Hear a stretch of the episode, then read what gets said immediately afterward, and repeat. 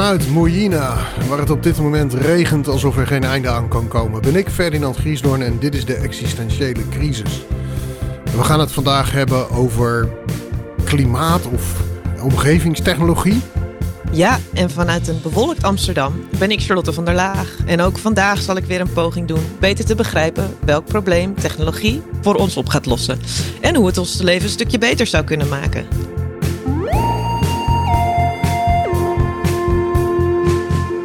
Ja, nou Ferdinand, eigenlijk wil ik al meteen een stelling inbrengen. Want uh, ja, je zei het al, geoengineering of klimaattechnologie. Um, en uh, nou ja, we hebben ons allebei een beetje verdiept in dit onderwerp. En daarbij uh, kwam ik op een interessante stelling. En die ga ik even aan je voorleggen. Want uh, ik ben benieuwd wat je daarvan vindt. Gezien de omstreden toepassingen van dit type technologie zou er eigenlijk geen onderzoek naar gedaan moeten worden, omdat het de kans vergroot dat mensen er uiteindelijk ook wat mee gaan doen. Nou, ben ik heel benieuwd wat jij daarvan uh, van vindt. Ja, um, gelijk een ambivalent antwoord. Um, laat ik beginnen met. uit het niks begin ik maar even met de Kardashev scale. Um, dat is een Rus. En die heeft op een gegeven moment gezegd: van nou, je kan een, uh, een, een, beschaving. Die kan je als het ware meten van waar je bent. Het is, meer, het is ook min of meer een wetenschappelijk voorstel geweest. Uh, wat de technologische vooruitgang is van die beschaving. En dan benoemt hij drie types beschavingen. En type 1 beschaving is eigenlijk de beschaving die op het punt aan is gekomen. Die alle natuureffecten van de planeet. En dan moet je ook denken aan aardbevingen, maar ook vulkanische um, erupties. Um, maar dus ook het weer. Uh, dat onder controle heeft. Dat, dat kan beheersen. Um, dus daar zijn wij als, als beschaving nog niet aangekomen. Wij zijn nog geen type 1 beschaving. Een type 2 beschaving, uh, dan zou je uh, direct je ster kunnen beïnvloeden of zelfs andere sterren kunnen gebruiken om energie in te winnen. En een type 3 beschaving zou dan uh, alle energie in, in, zeg maar je melkweg kunnen gebruiken en geavanceerde technologie hebben waardoor je door het universum heen kan reizen enzovoorts enzovoorts enzovoorts. Als je kijkt naar die type 1 beschaving, als je echt die hoge vorm van, van beschaving wil hebben, dan zou je zeggen, ja, dan moet je het wel doen. Je moet wel aan de slag gaan met het beheersen van klimaat. Aan de andere kant maakt dat me heel bang, omdat ik heb gezien dat mensen in de geschiedenis niet heel goed zijn met het doen van innovatieve dingen en met technologieën. Het is meer een soort messy, chaotisch proces waarin er allerlei schade ontstaat. Um, dus moet je het doen of moet je het niet doen? Ja, ik, ik denk dat ze het sowieso gaan uitproberen. Uh, ik weet wel dat er heel veel mensen zijn in onze maatschappij die dat niet willen. Zoals? Um, uh, heb je daar voorbeelden van? Nou, laat ik beginnen met. Want ja, ik nam het woord klimaat al in mijn mond. Um, er is een projectvoorstel geweest in het Verenigd Koninkrijk. En dat, dat ging om de Stratospheric Particle Injection for Climate Engineering. Afgekort SPICE. He, dus dat, dat is eigenlijk raar. daar, daar komen de Spice Girls vandaan. Misschien wel. Um, en, en, en de bedoeling daarvan was om deeltjes, om te gaan testen, om deeltjes in de, in de stratosferische laag te brengen en om dan te gaan meten of dat een effect heeft op de temperatuur daaronder en uiteindelijk natuurlijk ook op onze aarde. Nou hebben ze daar een Responsible Innovation studie naar gedaan. Um, samen, uh, dat zijn Richard Owen, Jack Stilgo uh, en veel magnaten geweest. Die kan je ook opzoeken. Er zijn wetenschappers die zich met Responsible Innovation bezighouden. Um, en uiteindelijk zijn ze erachter gekomen dat hun Social Issues Panel... En, en vooral ook de mensen die uiteindelijk werden bevraagd... die zitten daar allemaal niet zo op te wachten. Die hebben niet zoiets van... Oh, doe onze stratosfeer maar helemaal vol met deeltjes... zodat we het zelf kunnen beïnvloeden.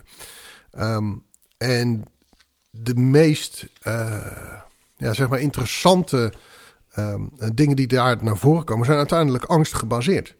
Het blijkt dat in het Verenigd Koninkrijk, maar dat zal in Nederland wel hetzelfde zijn, de meeste mensen toch zoiets hebben van ja. Weet je, als het niet bewezen is hoe het werkt. en je weet niet eens of het goed in de stratosfeer blijft hangen. en je hebt het over nou ja, misschien metalen, je hebt het misschien over chemicaliën. Wat gebeurt daar dan mee en waar komt dat dan terecht? Ja. Nou, als je dan een, als je dan een parallel trekt met wat we doen um, op de aarde zelf. Hè, dan hebben we het over industrie. Hebben we het over nou, eh, tegenwoordig heel controversieel het landbouwbedrijf. Ehm, maar als je het ook hebt over scheepvaart, de uitstoting van, van zware stookolie, waar komt het allemaal terecht? Dat weten we allemaal niet zo goed. En daar zijn we allemaal nog niet heel erg goed in. Dus je kan wel van die, van die deeltjes in de stratosfeer uh, injecteren en, en zeggen van nou, dan is de bedoeling dat die daar blijven. Maar ik weet niet of die deeltjes dat ook daadwerkelijk doen. Dus die mensen die hadden zoiets van ja, weet je, er, zitten gewoon uh, allerlei risico's aan. Is dat nou wel echt nodig? Uh, is dan ook de vraag, welk probleem los je ermee op? En los je dat probleem dan ook duurzaam op? Ik denk dat daar ook een, een aspect in zit. Nou ja, ik denk de, dat we eigenlijk niet kunnen overzien hè, wat, wat de consequenties ervan gaan zijn. Uh, maar ja, zo, we, hebben het, we hebben het nu al uh, geopperd. Dus de kans is groot dat echt inderdaad iemand uh, er wel onderzoek naar gaan doen. Ondanks dat we er wel ja, of niet voor of tegen zijn. Dus dat het gaat sowieso gebeuren, zeg maar. De geest is uit de fles, ben ik bang.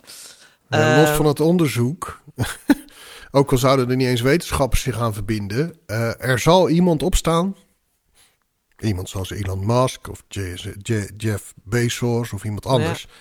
En die zal zeggen van, ja, vind ik een goed idee. Daar ga ik geld in stoppen en dat gaan we gewoon doen. Ik bedoel, ik zie Elon Musk Skytrain of Starlink... zie ik hier in uh, Malaga bijna elke nacht uh, door het luchtruim heen trekken. En als iets megalomaan is, is dat het wel. Het is niet letterlijk zijn naam... Maar de, je ziet dat ding gewoon overkomen. En als je dat over ziet komen, dan is dat heel indrukwekkend. Dus er zal vanzelf iemand zijn met te veel geld. die op een gegeven moment zegt: van ja, maar dit moeten we gewoon uitproberen. En er misschien een zijn... model van gaan proberen te maken. Er zijn wat verschillende opties. Hè? Dus je hebt uh, wat jij zegt, hè? je schiet wat deeltjes uh, de lucht in. Ik las, uh, nou ja, wolken creëren. Of, ehm, en daarnaast ook bijvoorbeeld CO2 opslaan in de grond of ergens anders. Uh, maar daarvan hoorde ik, of de, dingen die ik er gelezen heb, van nou ja, het is, uh, de vraag is ook, hè, is het technisch haalbaar? Maar het is, daarnaast is het ook een soort van paracetamol voor een symptoom. En het is niet de symptoombestrijding. En dat vond ik wel een, mooie, ja, een mooi voorbeeld. Want uh, eigenlijk lost het tijdelijk iets op. Zeker met dat CO2-vraagstuk. Dan kan je dus allerlei manieren bedenken om het ergens tijdelijk op te slaan. Maar daarvan wordt dus ook gezegd door onderzoekers: van ja, als je dat doet, dan moet je het blijven doen. En je probeert eigenlijk in plaats van je gedrag te veranderen, probeer je de symptomen uh, uh, aan te pakken. Dus eigenlijk hetzelfde als met afvallen, dat je uh, bepaalde pillen of een maagverkleining doet. Maar als je dat zonder ook die gedragsverandering doet, dan werkt het niet. En zij zeggen, als je dan op dat moment dat je zou stoppen ermee, dan neemt het exponentieel toe. Dus eigenlijk kom je dan ook weer op hetzelfde punt uit als wanneer je het niet had gedaan. En dat is het enorme risico eraan, als je dus op deze manier ermee aan de slag gaat. En uh, daarnaast geven zij ook dus aan van hè, we zijn aan het spelen met een systeem wat we eigenlijk nog niet zo goed kennen. En we weten dus ook niet die consequenties. Dus dat wordt nou, wel een uh, spannende. En, en, we kennen de grondslag niet. Hè? het meest interessante um, voor mij is dat we eigenlijk al zeggen van nou we gaan een bepaalde oplossing voor een niet goed gedefinieerd probleem introduceren. Um, als je het hebt over het klimaat op onze planeet, Ehm, nou, dat blijkt toch wel een heel groot complex ecosysteem te zijn. Ehm, ik volg de, de papers die daarover geschreven worden al ehm, nou, ruim 20 jaar.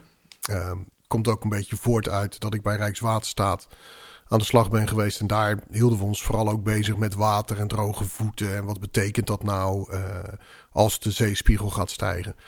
Um, en het enige waar ik achter ben gekomen is dat er helemaal geen duidelijke wetenschap is over de effecten uh, die we kunnen verwachten. En dat is in de afgelopen twintig jaar ook gebleken, want veel van de modellen die we hebben opgesteld blijken uiteindelijk niet uit te komen.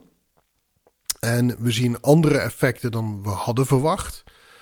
Um, dus als je daar dan al mee aan de slag gaat en je zegt van nou, zo'n complex uh, systeem ga ik een oplossing formuleren voor een probleem wat nog niet heel goed gedefinieerd is. En waarvan we nog niet heel goed weten of dat nou daadwerkelijk de oorzaak is van de effecten die wij zien in zo'n complex systeem. Ja, dan, dan bevind je je enorm op glad ijs. Ja. En dan, dan, wordt dan gezegd van ja, maar het moet nu, want we hebben haast en het is gevaarlijk en het is eng en er gaan allerlei dingen gebeuren. Um, en, en, dat, als je dan echt puur vanuit wetenschap kijkt en ook uh, kijkt naar verschillende disciplines, dan kom je erachter van ja, maar we hebben nooit een stabiel klimaat gehad. Dat is één. En ja, er gebeuren dingen en daar zitten heel veel enge dingen bij. Um, Wordt het warmer, wordt het kouder? Dat weten we zelfs nog niet eens. Hè? Je hebt complete wetenschappelijke disciplines die zelfs voorspellen dat we naar een ijstijd gaan. Dus dat we uh, de enorme stijging van methaan die we nu meemaken, komt overeen met de enorme stijging van methaan die vlak voor de vorige ijstijd uh, plaatsvond. Um, krijgen we dan een ijstijd? Ja, dat weten we eigenlijk niet. We zijn nog niet lang genoeg op deze planeet om dat soort enorme systemen te begrijpen. Omdat er zoveel factoren van invloed zijn gassen zijn van invloed. Wat wij misschien doen als mensen heeft een kleine invloed. Wat de planeet doet met vulkanen heeft invloed. Wat de zon doet heeft invloed. NASA heeft pas geleden zonnevlammen voorspeld. Uh, want er zijn enorme vlekken. Hè, dus de zon is weer heel actief geworden. Nou, dan krijgen we ook last van deze wereld. Uh, uh, deze winter, sorry. Op onze wereld. Dus de winter zal wat warmer zijn. want dat wordt voorspeld door die zonnevlekken. Um, dus de, het is zo'n enorm complex systeem dat ik dat best lastig vind om, om nou te zeggen van ja, moet je het nou wel of moet je het nou niet doen.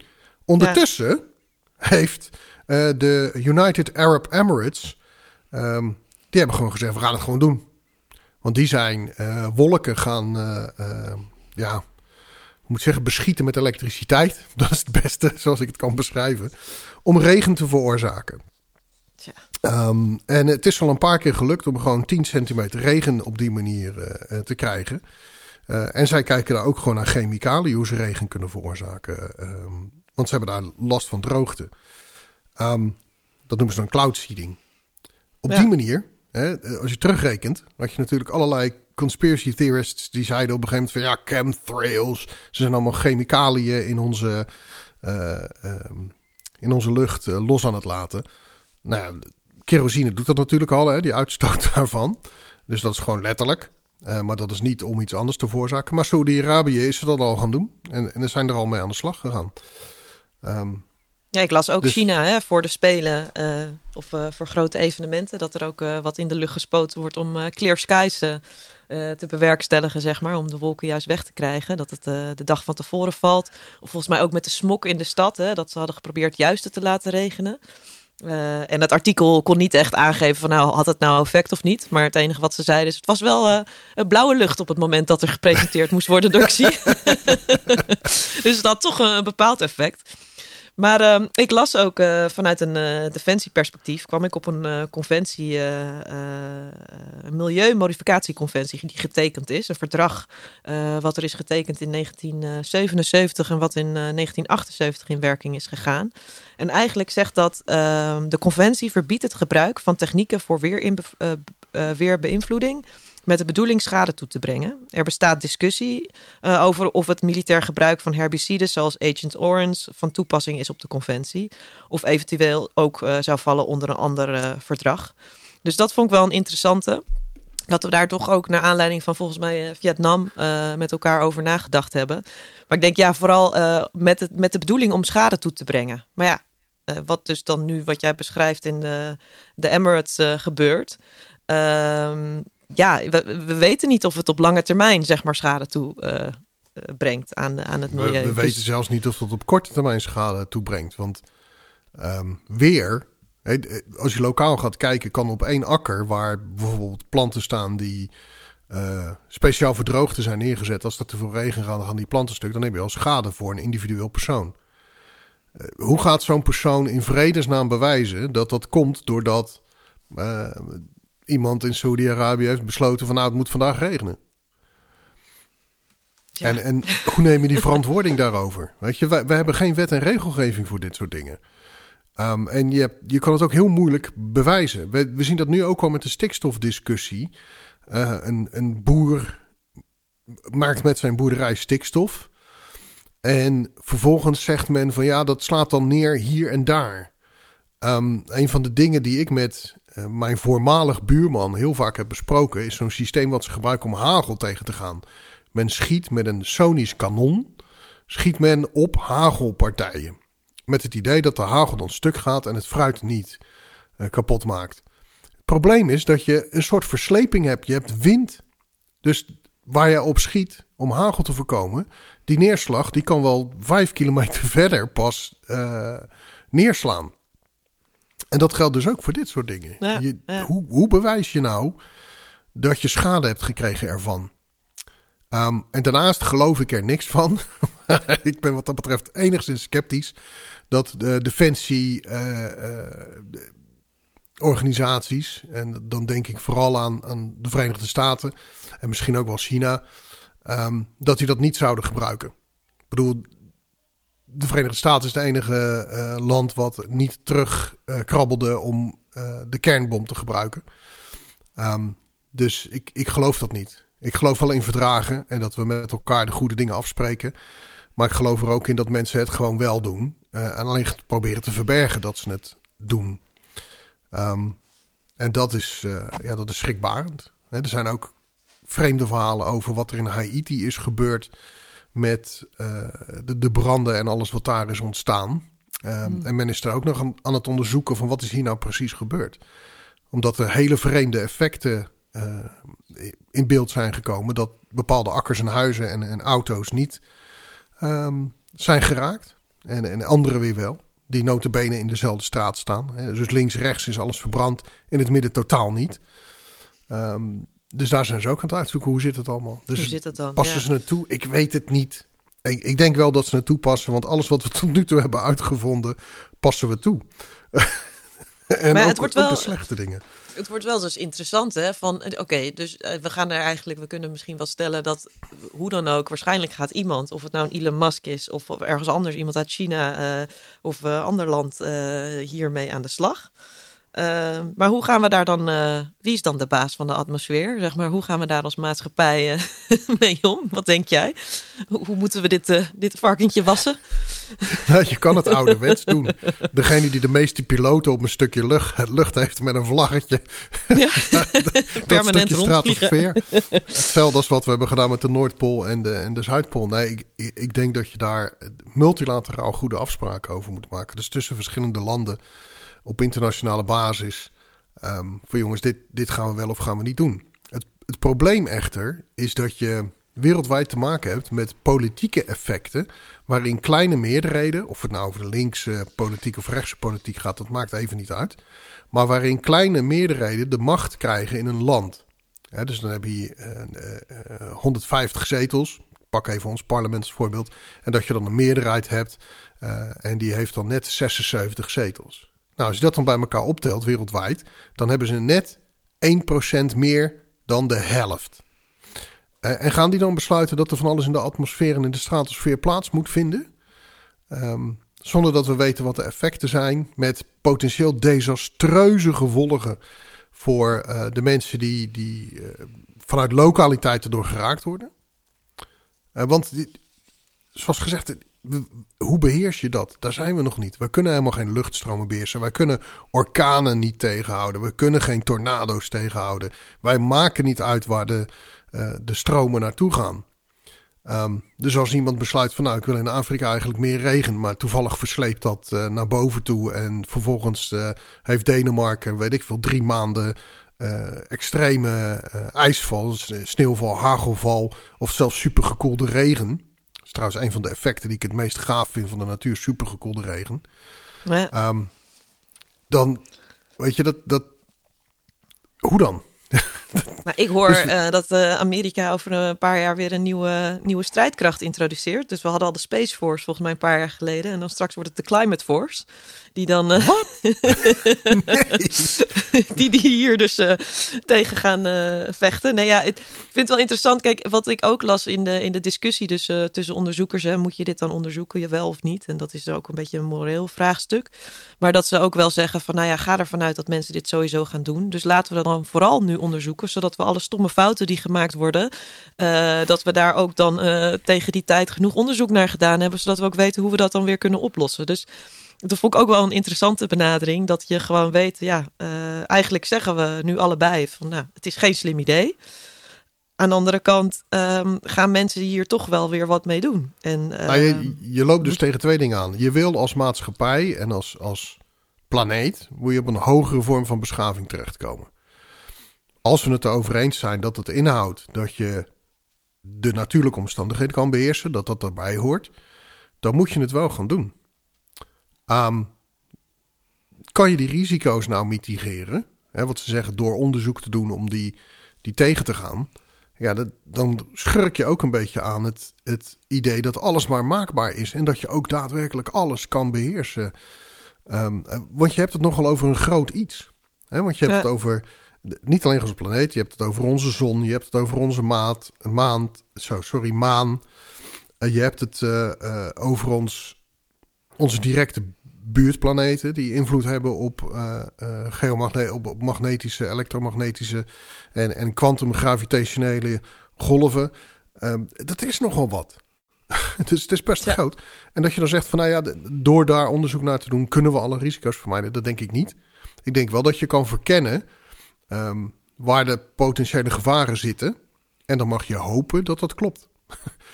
um, want in het verleden lagen de gevaren uiteindelijk heel ergens anders dan dat we verwacht hadden. Toen we uh, allerlei technologieën zijn gaan toepassen. Hè, dat, en dan denk ik altijd een beetje aan. Het is een hele flauw hoor, maar asbest was het wondermiddel. Moesten we overal gebruiken. En toen kwamen we erachter dat bijeffect van asbest was dat heel veel mensen allerlei longproblemen kregen. Um, door het werken met asbest. Dus moesten we dat toch maar niet gaan doen. Toen zijn we weer asbest gaan begraven ergens in de grond. Um, roken werd het begin van de vorige eeuw werd gewoon gezegd dat is hartstikke gezond. En vooral als je longproblemen hebt, moet je vooral gaan roken. Um, dokters deden dat. Overal werd er gezegd, je had zelfs reclames, uh, dat roken gezond voor je is. Bleek ook niet zo te zijn. Dus je loopt daar echt wel tegen een, een, een, een iets een soort volwassenheidsniveau wat de mensheid denk ik nog niet bereikt heeft. En dan, ja, dat, dat leidt ook een beetje in. Er is pas geleden een documentaire uitgekomen van Michael Moore. En ik vind het vreselijk om dit te benoemen. Um, en ik hoop niet dat ik te veel, uh, dat te veel mensen mij nu heel erg gaan haten. Nou ben ik heel benieuwd wat je gaat zeggen. Die heeft een documentaire uitgebracht vrij recent. En die heet Planet of the Humans. En iets wat ik al eerder uh, heb geconstateerd met een aantal andere mensen, brengt hij schokkend in beeld. Alle maatregelen die we op dit moment nemen om ons klimaat te beheersen, zijn gekaapt door verdienmodellen, commerciële aanpak, subsidies, uh. Het idee dat iets maakbaar is, um, terwijl er heel veel geld mee verdiend kan worden. Wat die documentaire laat zien is dat zowel windmolens als zonnepanelen, als elektrische auto's, als al die maatregelen die wij hebben doorgevoerd, aan de achterkant een grotere vervuiling opleveren dan het probleem dat ze oplossen. En dus ook een existentiële bedreiging vormen voor de mensheid als we die weg doorzetten. Als we daarmee aan de slag blijven. Um, en dat, dat is echt heel bijzonder. Uh, en ik, ik, Michael Moore is niet een van mijn favoriete documentairemakers. Want wat andere documentaires ben ik het niet met hem eens. Uh, alleen wat je nu hier ziet in die documentaire die hij heeft gemaakt, is dat hij gewoon echt open laat zien hoe werkt deze industrie, wat gebeurt er nou eigenlijk, wat voor bijeffecten heeft het en lost het nou daadwerkelijk iets op. Aan, onderaan het streepje komt hij tot de conclusie dat we zelfs meer uitstoot en meer energie zijn gaan verbruiken uh, zonder al deze oplossingen. En dat is gewoon schrikbarend. Uh, en dat, dat toont maar aan dat we echt nog niet op dat, dat uh, Civilization 1 uh, idee, daar, daar zijn we echt nog lang niet. Wij, hebben, wij zijn er nog niet. Dus ja. onderzoeken ja, experimenteren. Ik zou zeggen nee. Doe nog even niet experimenteren totdat je echt wel systemen hebt, bijvoorbeeld zoals quantumcomputers, waarbij je complexe simulaties kan doen en complexe problemen kan oplossen. En zelfs dan moet je nog vraagtekens neerzetten van wil je dit? Want je hebt maar één planeet. Nou ja, wat een, uh, wat een uh, positief maar niet heus vooruitzicht. Het heet ook de existentiële crisis ja. natuurlijk. Goh. Maar ik heb, ik heb wel, een, ik heb wel een, een prangende vraag aan jou. Hè? Want nou. dit lijkt een beetje op de Structure of Scientific Revolutions van Thomas Kuhn. Dat het heel lang duurt voordat mensen door gaan krijgen wat er eigenlijk gebeurt en of dat wel of niet effect heeft. En dit is echt wel, wat is het nou met, met wetenschappers, ik, ben, doe, doe zelf ook aan wetenschap, maar ook aan mensen, dat wij denken dat alles maar oplosbaar is en maakbaar is. Waar komt dat vandaan? Ja, een soort van technocratische gedachte. En ook tweede, tweedimensioneel. Dat we echt denken van dat iets zo uh, simplistisch kan zijn dat je inderdaad dat, dat kan uh, begrijpen. Uh, goede vraag. Um, wat het, mijn eerste gedachte zou zijn, is dat we natuurlijk om, om dingen te kunnen begrijpen als mens, proberen we het een beetje simpeler te maken in ons brein. Um, om alle, al die complexiteit te kunnen bevatten. En daarmee, um, ja, symptomisch eigenlijk, uh, uh, hoe noem je dat? Naar, dus de kleine onderdelen daarvoor oplossingen te bedenken, zonder het geheel te kunnen overzien. En ja, het, misschien ook wel een soort van positief, dat we positief zijn of dat we toch denken, optimisme, gewoon dat kijk regelmatig, ik vertrek en dan denk je ook weer, oh ja, die mensen gaan weer zonder plan iets, gaan ze toch ergens heen en toch lukt het dan eindelijk. Ze spreken de taal niet, ze hebben geen plan gemaakt, maar toch dan op het eind uh, ja, komen ze in dat land en compleet niet inge, uh, ingelezen in de cultuur of wat dan ook. En toch lukt het. Um, dus ja, ik denk dat er toch een soort van um, ja, optimisme zit uh, en ook de maakbaarheid. Het idee dat we daar controle over kunnen hebben dat we daar toch dan uh, ja, elke keer denken van nou, de technologie en technische oplossing kan ons daarbij helpen.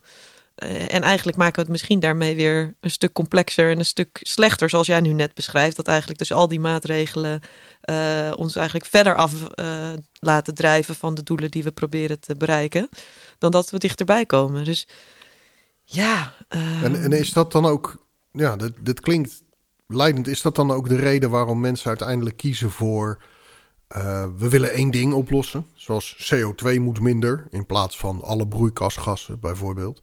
Of dat we zeggen, nou stikstof is een probleem, dus het is alleen maar stikstof wat er gedaan moet worden. Of wat men hè, bij uh, nu aan Saudi-Arabië doet.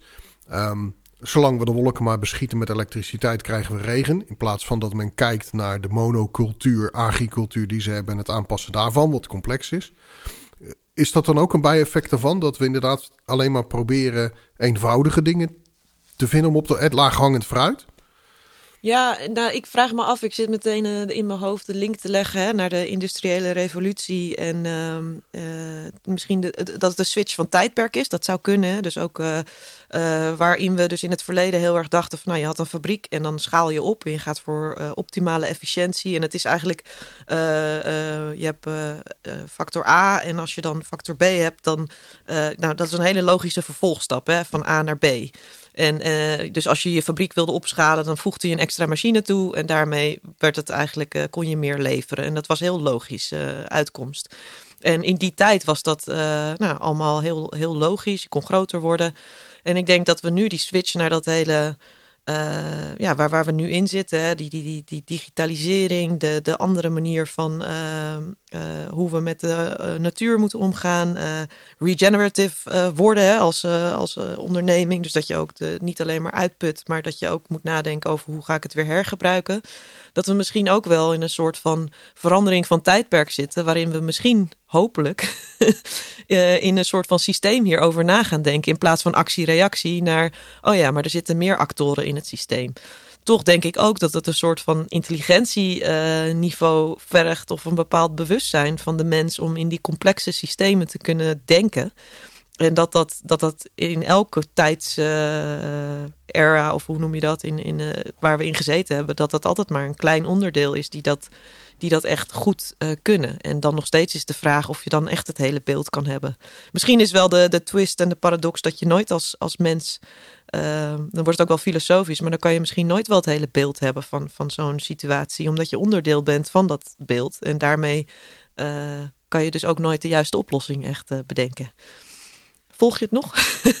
ja, um, het, het, het, voelt bijna fatalistisch, want als je dan het totale beeld nooit kan hebben, kan je ook nooit wat doen. En dat is, nou, dat is de grensdiscussie dat... waar we het dan over hebben.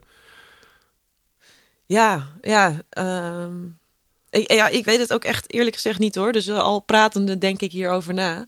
Um, ja, ik denk sowieso voor, voor voor onze natuur is het fijn, of voor, van als mensen, dat het fijn is als je iets doet, dat je dan ook meteen ziet dat het effect heeft. En dat het heel lastig is om iets te doen, waar, dat butterfly effect, waarbij je eigenlijk niet kan overzien wat uiteindelijk het effect is. En dat nou zie je maar ook. Ja? Ja, nou, voor, voor, mij is het heel bizar. Hè?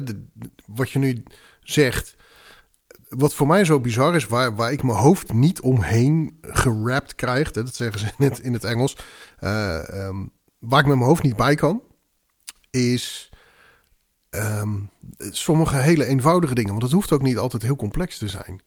Uh, in de Verenigde Staten heb je een meneer die uh, ook bezig is met geoengineering. En die heeft nu een machine ontwikkeld om CO2 uit de lucht op te nemen. En dat wil hij dan op gaan slaan in van die schaliegasvelden die, die we dan uh, leegpompen omdat we het gas willen hebben. En daar wil hij dan dat CO2 inbrengen. En om die machine te gaan gebruiken uh, en overal neer te zetten om CO2 uh, op te vangen, uh, moeten we dan maar bomen gaan kappen. Nou, bij mij ontstaat er dan een soort intellectuele tilt van een, van een flipperkast.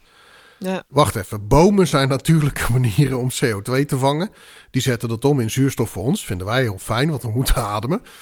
Um, en, die, en die leveren groen, die leveren beschutting. En die zorgen dat de temperatuur lokaal getemporiseerd raakt. Het geeft leven aan allerlei dingen. Maar die moeten we dan opruimen, want we moeten er een kast neerzetten wat CO2 gaat vangen. Ik snap het dan niet meer.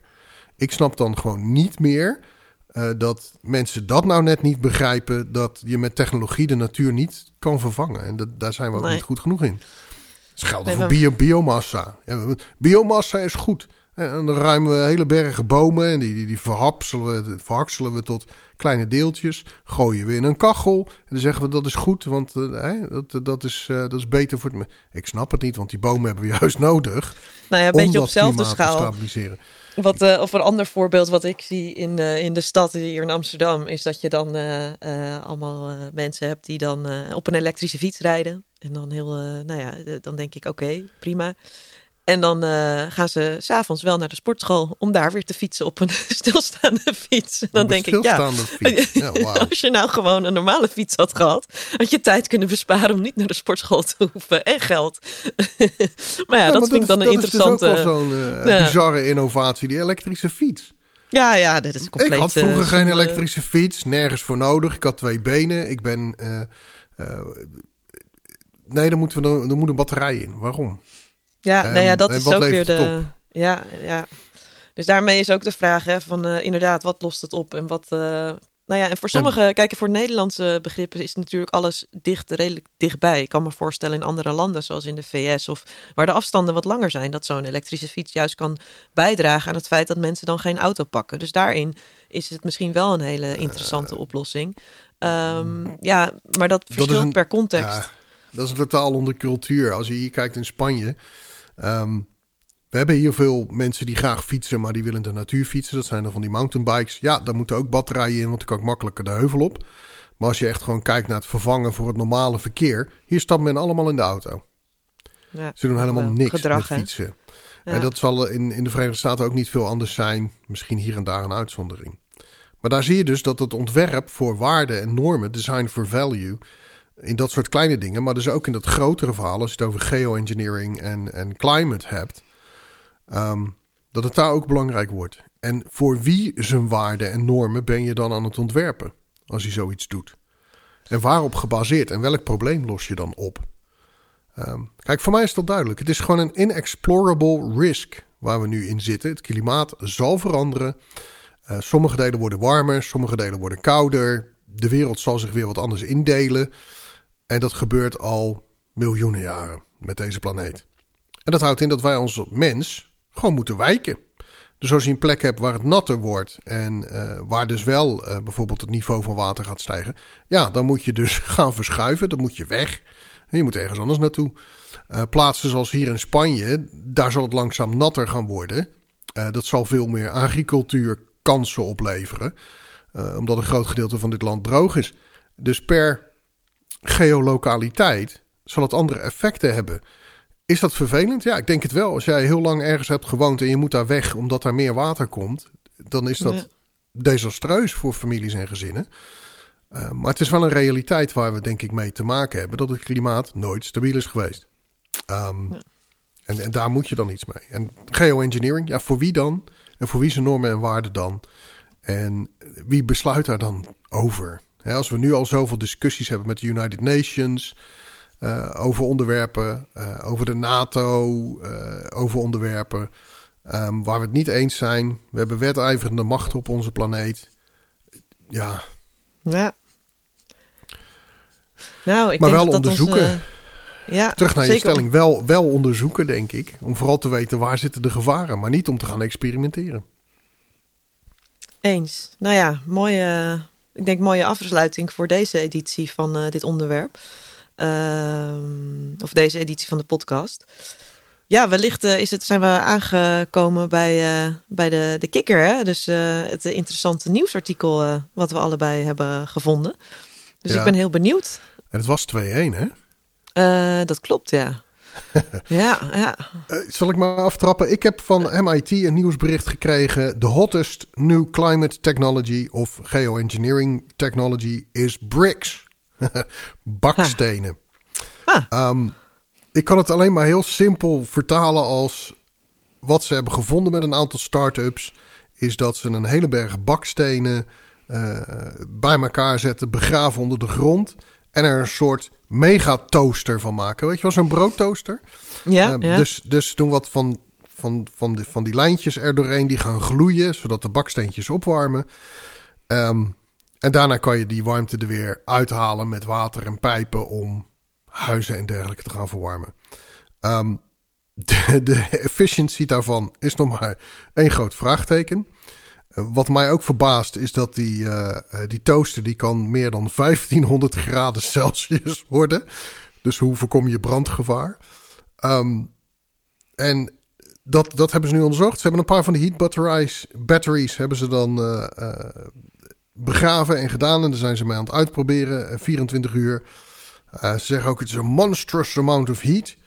Ehm, en ze denken dat dit 20% of de total global energy demand kan, eh, kan opleveren. Om op deze manier een soort batterij te creëren. Ehm, ik denk dat het net zo'n idee is als met die zonnepanelen die op dat centrumpunt schijnen. En dat ze uiteindelijk in allerlei problemen uitkomen die ze nog niet kunnen oplossen. nou, Dat was die van, dat was die van mij. Oftewel, de grote toaster noem ik het ja, maar ja, nou, interessant, interessant en creatief ook vooral. Eh, ja, dat is wel eh, weer, een, weer een onderzoek eh, waard natuurlijk.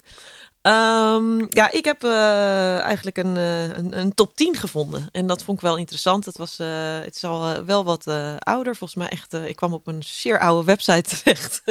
Die nog in, zeg maar, oude HTML-format was. Maar de top 10 ideeën om, om dus geoengineering te doen. En toen dacht ik, ja, die vind ik wel erg grappig en creatief. Dus ik zal, eh, ik zal er een aantal noemen. Ehm, eentje daarvan is eh, Space Frisbees to Save the Earth. Dus het, het idee daarvan is eh, om miljoenen reflective discs in de orbit te schieten, om de aarde heen.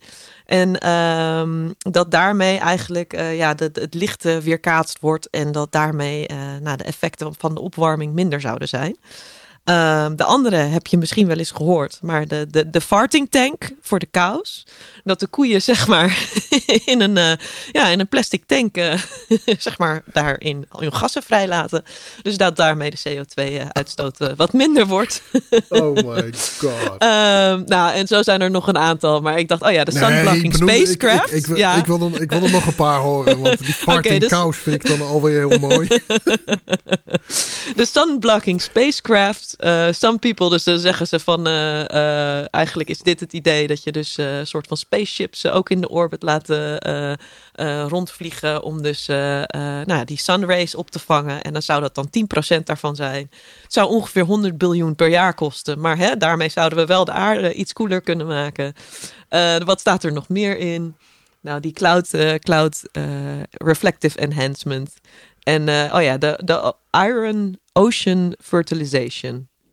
Dus dan eh, doe je iets met, eh, met volgens mij ijzer om in de opperlaag van de oceaan ja, dat, dat, dat plankton toename toe te laten nemen of juist niet. Dus dat dat dan ja, daarmee ook weer mee, meer opvangt. Nou ja, creatieve ideeën. Nou, dit- kijk, die laatste vind ik het meest interessante, eerlijk gezegd. Plankton is eh, de grootste, eh nou ja, algen en plankton, die combinatie is volgens mij, ik moet het opzoeken, maar volgens mij is dat de grootste opname van CO2. Die gebruiken het meest CO2 op deze planeet. ja, Nou, ik, ik zie eigenlijk hier een nieuw tv-format vormen. Waarbij eh, een soort van Dragon's Den, maar dan met het beste, beste climate engineering-achtige concept. En dan kijken of daar een start-up van gebouwd kan worden.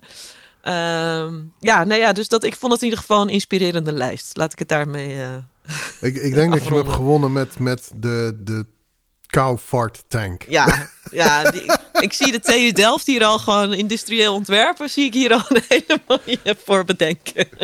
Bij deze zijn jullie uitgedaagd. het, het, het is bizar. En Hoe je dat, hoe je dat in vredesnaam praktisch moet, moet realiseren is natuurlijk... Nou ja... Maar het is, ja... Hey, alles om type 1 eh, eh, civilization te worden natuurlijk. Precies. Zodat we alles kunnen beheersen op onze planeet en de toekomst altijd zuiver is. Uh, dat heb ik wel van jou geleerd in de afgelopen podcast. Dat mensen op zoek zijn naar zekerheden. Ja. Uh, dus daar zal het wel iets mee te, iets mee te maken hebben. Um, nou, de volgende keer, waar gaan we het over hebben? Ja, ik, uh, ik begreep dat uh, nanotechnologie een uh, van de onderwerpen is waar, uh, jij, waar je hart sneller van gaat kloppen. Dus ik ben daar heel benieuwd naar. Ja, dan kunnen we het inderdaad ook hebben over um, wat voor effecten die golf qua technologie heeft gehad en wat er nog aan zit te komen. Dat is wel, dat is wel pittig. Dan gaan we het hebben over nanotechnologie. Wat leuk. Leuk, ja. Nou, laten we voor nu uh, radio danken voor, uh, voor deze samenwerking in de podcast. En uh, dan gaan we de volgende keer uh, dieper in op de nanotechnologie. Zeker. En reageren kan natuurlijk via LinkedIn, via radio of de Rijksinnovatiecommunity. Op het platform kan je met ons discussiëren over de verschillende technologieën en de dingen die we vandaag hebben ontdekt. Vanuit Moïna, Spanje, ben ik Ferdinand Griesdoorn en dit was de existentiële crisis. En vanuit Amsterdam ben ik Charlotte. En vandaag heb ik geleerd dat we wel moeten onderzoeken hoe dit uh, zou kunnen werken, maar vooral nog niet moeten gaan experimenteren. Dank voor het luisteren. Tot de volgende keer. Dit gesprek werd live opgenomen en niet nabewerkt. Charlotte en Ferdinand werken weliswaar voor de Rijksoverheid, maar spreken niet namens de Rijksoverheid. In voorkomende gevallen betreft het loyale tegenspraak. Behaalde resultaten uit het verleden bieden geen garanties voor de toekomst. Meningen uit het verleden kunnen zijn aangepast door nieuwe inzichten en kennis.